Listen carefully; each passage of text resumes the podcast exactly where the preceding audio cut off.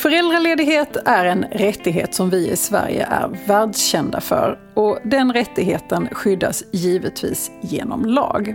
En del av skyddet är att arbetstagare inte får missgynnas på grund av sin föräldraledighet. Men vad innebär detta i praktiken? Det ska vi prata om idag.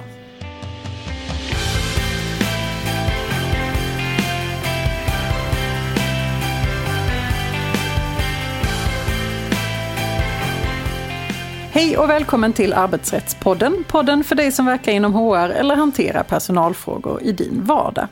I den här podden vill vi bjuda på nya infallsvinklar och dela med oss av vår kunskap för dig som arbetar inom HR-området.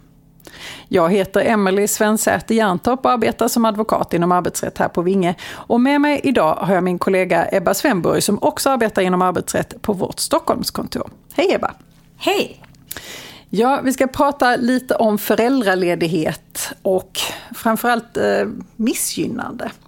Eh, det finns ju ett förbud i föräldraledighetslagen mot att missgynna en arbetstagare på grund av dennes föräldraledighet. När gäller det egentligen? Ja men precis, det finns ju ett sånt missgynnande förbud. Och eh, i föräldraledighetslagen så säger man då att en arbetsgivare får inte missgynna en arbetstagare av skäl som har samband med föräldraledigheten. Och det gäller i princip under alla situationer som kan uppkomma mellan en arbetsgivare och en anställd. Men faktiskt också arbetssökande. Och då kan man fråga sig vad en arbetssökande är. Och det är den som tydligt gjort klart att man är intresserad av att söka en tjänst som finns hos arbetsgivaren. Så man behöver ha detta i åtanke både i en rekryteringssituation och under hela anställningen då? Precis. Gäller det bara när man är föräldraledig på heltid? Nej, det gäller egentligen eh, alla typer av föräldraledigheter som vi har. Så, så det kan också vara i fråga när det är vård av barn, alltså vad vi brukar kalla vab. Ehm, eller förkortad arbetstid som när man till exempel har en delledighet med eller utan föräldrapenning. Så det spelar egentligen ingen roll om, om man är föräldraledig på hel eller deltid. Och inte heller om man är föräldraledig för närvarande utan kanske också har varit eller kan tänkas bli föräldraledig. Då gäller missgynnandeförbudet även då. Så väldigt vidsträckt. Exakt. Och nu har du sagt ordet missgynnande flera gånger och mm. jag också. Och mm. det här är ju ett glasklart begrepp, eller hur? Mm, verkligen. Men vad, vad menar vi egentligen när vi säger missgynnande? Ja, men ett missgynnande är en behandling eh, som då medför en skada eller en nackdel kan man säga för den anställde. Och det tar väl egentligen sikte på mer än bara bagatellartade skillnader i behandling mellan någon som är föräldraledig och någon som inte är föräldraledig. Eh, men man kan väl säga att det som typiskt är förenat med att man faktiskt får en förlust, eh, kanske i form av lön eller så. Eh, eller bara man känner ett obehag eh, på grund av att man är föräldraledig. Det kan faktiskt också utgöra ett missgynnande.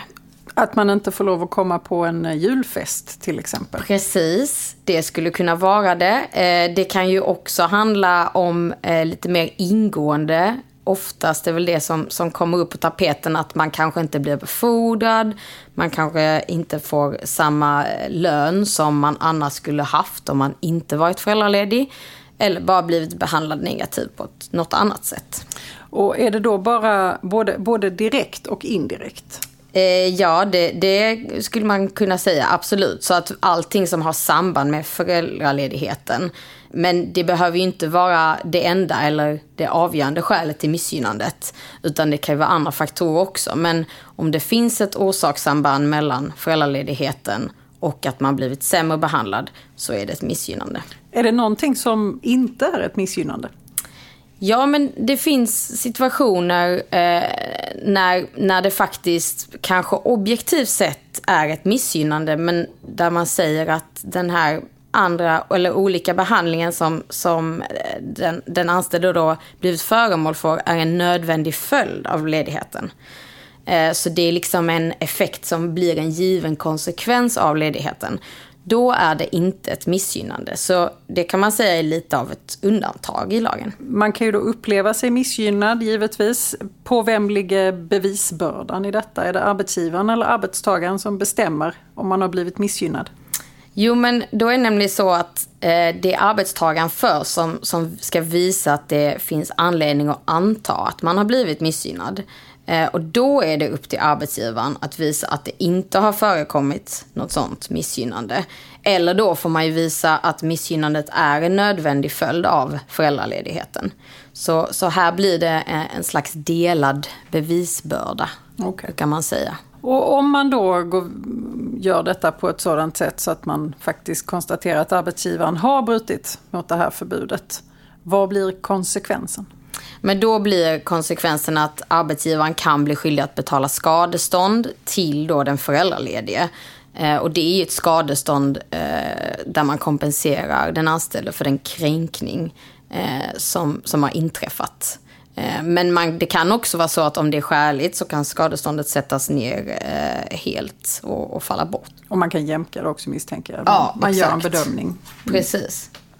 Men eh, det här är ju eh, såklart eh, missgynnande i stora drag. Ska vi, ska vi ta ett exempel? Ja, absolut.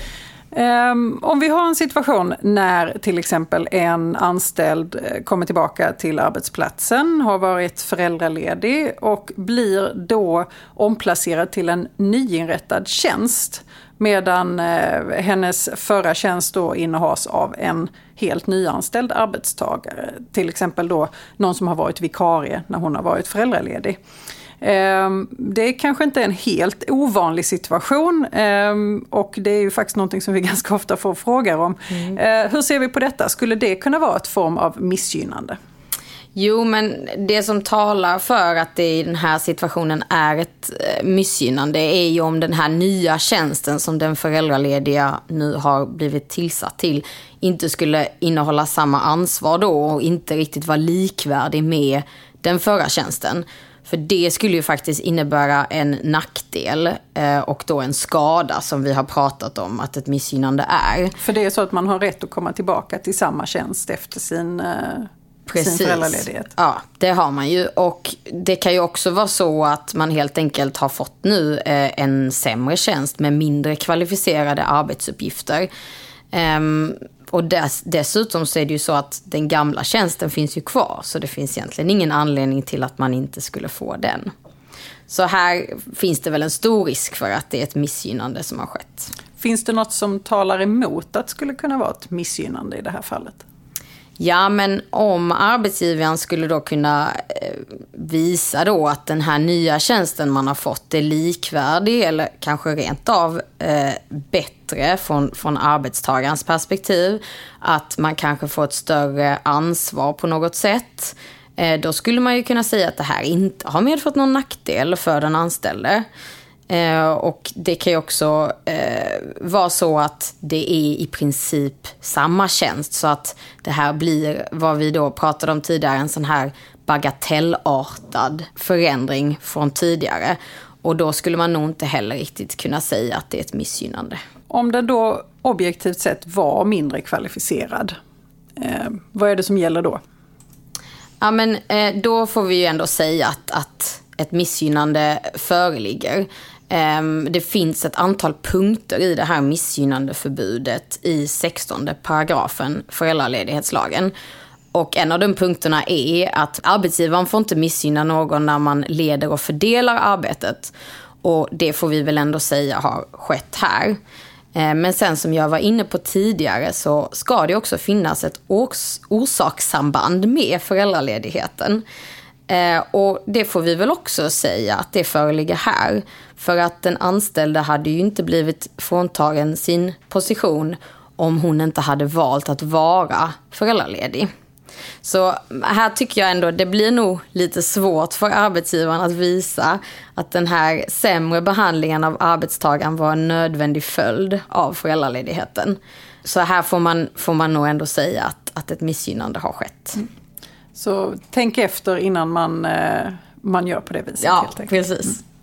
Men eh, vi har ju touchat på att det finns situationer när man faktiskt eh, skulle kunna hamna i det här undantaget. Mm. Eh, vad skulle kunna vara en sån situation när man faktiskt skulle kunna behandla föräldralediga annorlunda utan att det utgör ett missgynnande?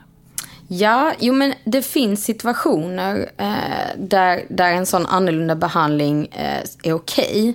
Och vi har till exempel ett fall från Arbetsdomstolen från 2009 där det var några anställda eh, som hade varit föräldralediga under året som fick lägre gratifikation än sina kollegor.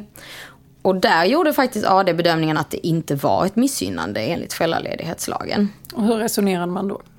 Jo, men i fallet så var det då att, att den här gratifikationen den skulle utgå i relation till arbetad tid under då ett visst år. Och när sen gratifikationen betalades ut till de här tre arbetstagarna som hade varit föräldralediga så gjordes avdrag för den tiden då de hade varit föräldralediga. Så man proraterade gratifikationen kan man säga till den proportion de hade jobbat. Men då kom faktiskt Arbetsdomstolen fram till att, att det var en nödvändig följd av ledigheten att göra så. Varför ledde till att man inte hade brutit mot eh, förbudet om missgynnande i föräldraledighetslagen. Och hur resonerade man då?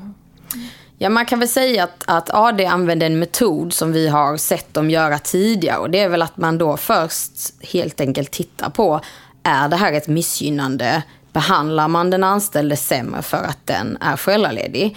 Och ja, det får man ju säga i det här fallet. Man betalade inte ut gratifikationen till föräldraledig under den tiden de hade varit lediga.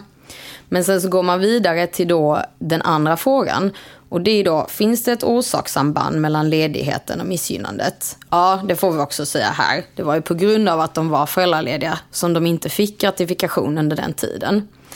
Men sen när vi kommer då till den tredje frågan så är det då, är det här en nödvändig följd av ledigheten?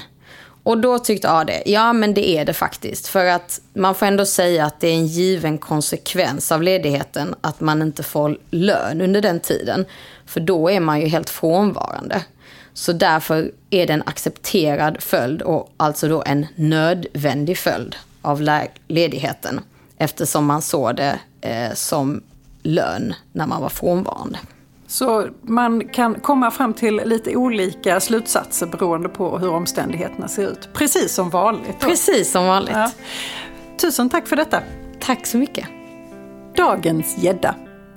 Tänk på att missgynnandeförbudet gäller både under rekryteringsförfarandet och under själva anställningen.